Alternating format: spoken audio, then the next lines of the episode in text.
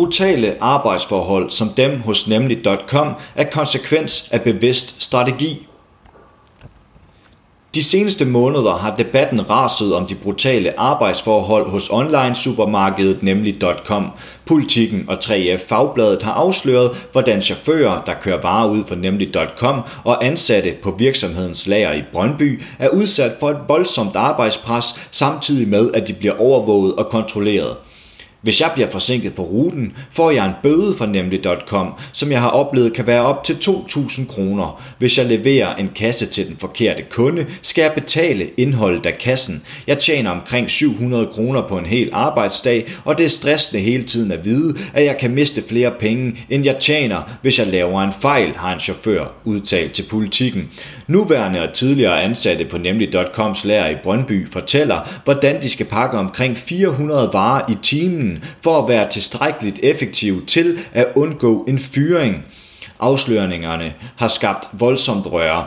Medier har grebet historien, politikere har rejst problemstillingen på Christiansborg, og debatten raser på de sociale medier, ikke mindst på nemlig.coms Facebook-side. På kort tid har gruppen Vi boykotter nemlig.com fået 2.700 medlemmer, mens en modsvarende gruppe Vi støtter nemlig.com indtil videre kun har 12 medlemmer. De rystende arbejdsforhold, medierne har afsløret hos nemlig.com, er ikke et enkeltstående tilfælde. Lignende forhold kan findes på mange andre arbejdspladser i Danmark og andre lande, fastslår journalist Peter Rasmussen. Han har i årvis beskæftiget sig med det såkaldte prekære arbejdsmarked, hvor et stigende antal mennesker i Europa og andre dele af verden arbejder under usløre og usikre forhold på korttidskontrakter med ingen eller meget få garanterede timer som falske selvstændige, deltidsansatte eller på anden måde løst ansatte. Sammen med fotograf Søren Søvd har han netop udgivet bogen Work and Poor Road Trip, der baserer sig på de to forfatteres rundtur til en lang række lande, hvor de har mødt de mennesker, der er tvunget til at hudle sig gennem på det prekære arbejdsmarked. Bogen tager os med til en stribe europæiske lande, hvor det velorganiserede og ordnede arbejdsmarked er i frit fald, og et stigende antal arbejdere hudler sig igennem på løn og arbejdsforhold, som de har svært ved at overleve på, og som slider dem ned fysisk og psykisk. Vi ved, at den slags arbejdsforhold gør folk syge og stressede. Det rammer både krop og psyke, siger journalist Peter Rasmussen. Jeg har mødt store, stærke mænd og kvinder, der er brudt sammen foran øjnene af mig, fordi de er udsat for et dagligt pres for det, de selv kalder terror. De har arbejdet hårdt i mange år, men oplever pludselig et helt andet arbejdsliv, tilføjer han. Blandt mange danskere har opfattelsen længe været, at det lande som USA, England og Tyskland, der har problemer med work poor, mennesker, der er fattige, selvom de har arbejde, mens vores velorganiserede danske arbejdsmarked ikke er ramt. Men afsløringerne omkring nemlig.com og en lang række andre sager viser, at det usikre arbejdsmarked lever i bedste velgående i Danmark. I 2017 besøgte Søren Søvd og jeg et Amazon-lager i Tyskland. Her var arbejderne midlertidigt ansat, de blev overvåget konstant, og de vidste, at hvis de ikke overholdt ledelsens mål for arbejdstempo, så røg de ud. Hver uge var de ansatte til samtaler med ledelsen. Presset på den enkelte var kæmpestort, fortæller Peter Rasmussen. I dag, kun omkring fire år senere, kan vi se præcis det samme i Danmark, som forholdene hos nemlig.com viser.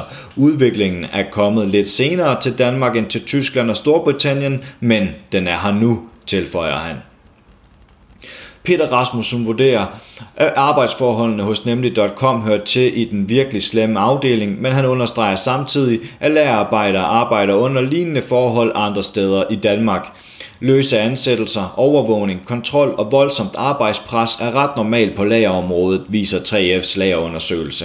Nemlig.com er langt fra et enkeltstående tilfælde. På Coops centrallager i Aarhus kom det sidste år frem, at 8 ud af 10 føler sig alvorligt presset. Her er der også et bevidst system med meget højt arbejdstempo, overvågning og produktionsmål, hvor du bliver kaldt til samtaler med ledelsen og for, af, ad, og for advarsler, hvis målene ikke bliver opfyldt, forklarer han og tilføjer.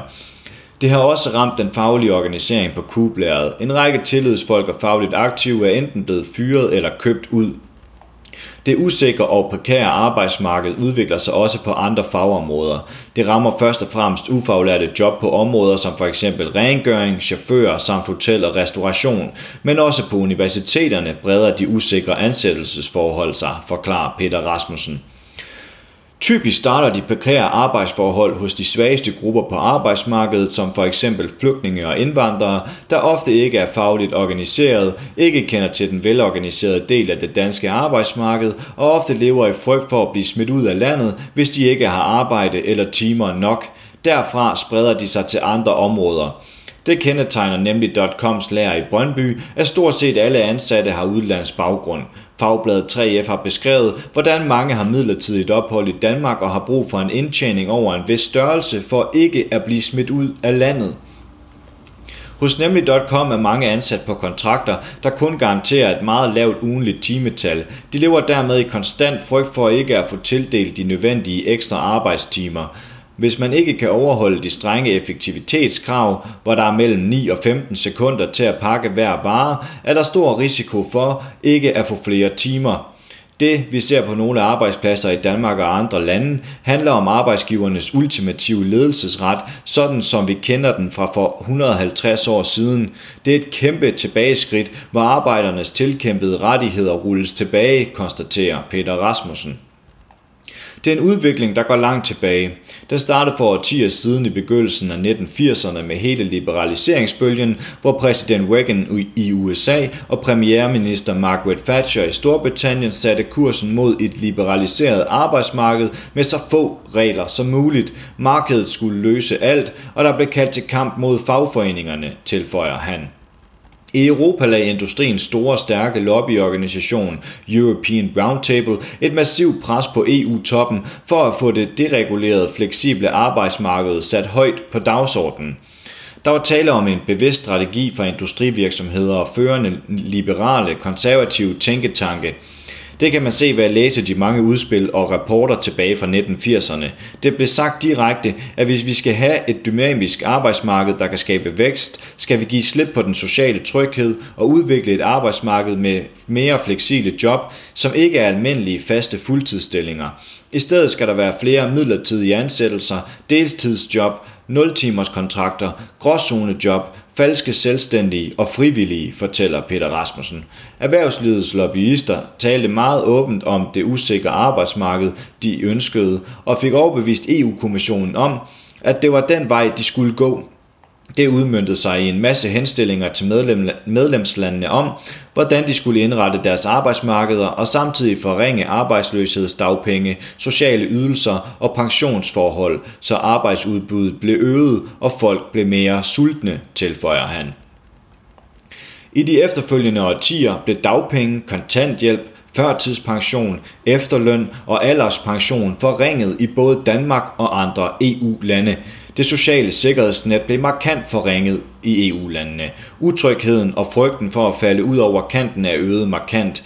Dermed er der skabt langt bedre forudsætninger for at presse løn- og arbejdsforhold. EU's indre marked, der blev gennemført i 1993, var med til at sætte fart på denne udvikling. Her blev indført fri bevægelighed for arbejdskraft, kapital, varer og tjenesteydelser. Dørene blev åbnet for social dumping i forhold til udenlandsk arbejdskraft og udflytning af arbejdspladser til lande med lavere skat og lønninger. European Roundtable spillede en afgørende rolle i, at det indre marked blev en realitet. Det fik Peter Rasmussen og Søren Søvd bekræftet, da de for et par år siden tog på uanmeldt besøg i lobbyorganisationens hovedkontor i Bruxelles og mødtes med daværende generalsekretær Brian Akker.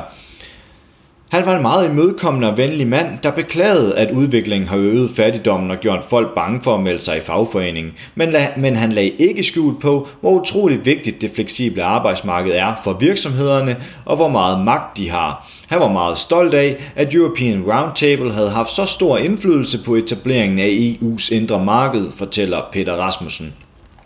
I dag er det prekære arbejdsmarked udbredt over hele EU. I lande som Tyskland og Storbritannien, der er ført an i udviklingen af et meget brutalt arbejdsmarked, er det i dag sådan, at hver tiende af dem, der er i arbejde, er fattige.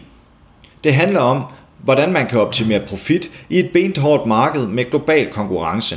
Det kan man på arbejdskraften ved enten at sætte tempoet op, sætte lønnen ned eller gøre begge dele. Vi i Danmark er blandt dem, der er mindst berørt af udviklingen, men mange herhjemme begynder at føle sig trykket, konstaterer Peter Rasmussen. Han bliver tavs i et stykke tid, da han bliver spurgt om, hvad der skal til for at forandre den nuværende kurs mod bunden. Det er ikke et enkelt spørgsmål at svare på, men som det første peger han på, at det er afgørende at ændre styrkeforholdet mellem arbejdsgiver og arbejdere til fordel for sidstnævnte. Det kræver organisering og sammenhold på arbejdspladsen, at arbejderne genfinder mod til at sige fra over for urimeligt pres.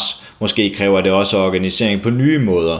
Nogle af de her folk er kommet langt væk fra fagforeningerne. Måske kommer de fra andre lande eller har været på kontanthjælp i mange år. Fagforeningerne Fagforeningerne må tænke bredere og ikke være sarte med, hvem de organiserer og hvordan, siger den engagerede journalist.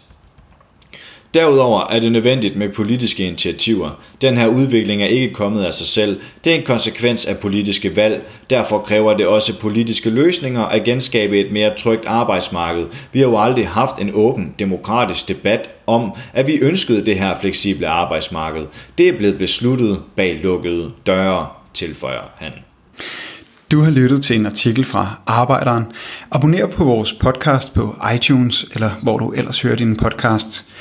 Du kan også klikke ind på arbejderen.dk for meget mere journalistisk indhold. Du er også velkommen til at følge Arbejderen på YouTube, Facebook, Instagram eller Twitter, samt tilmelde dig Arbejderens daglige opdatering på Messenger.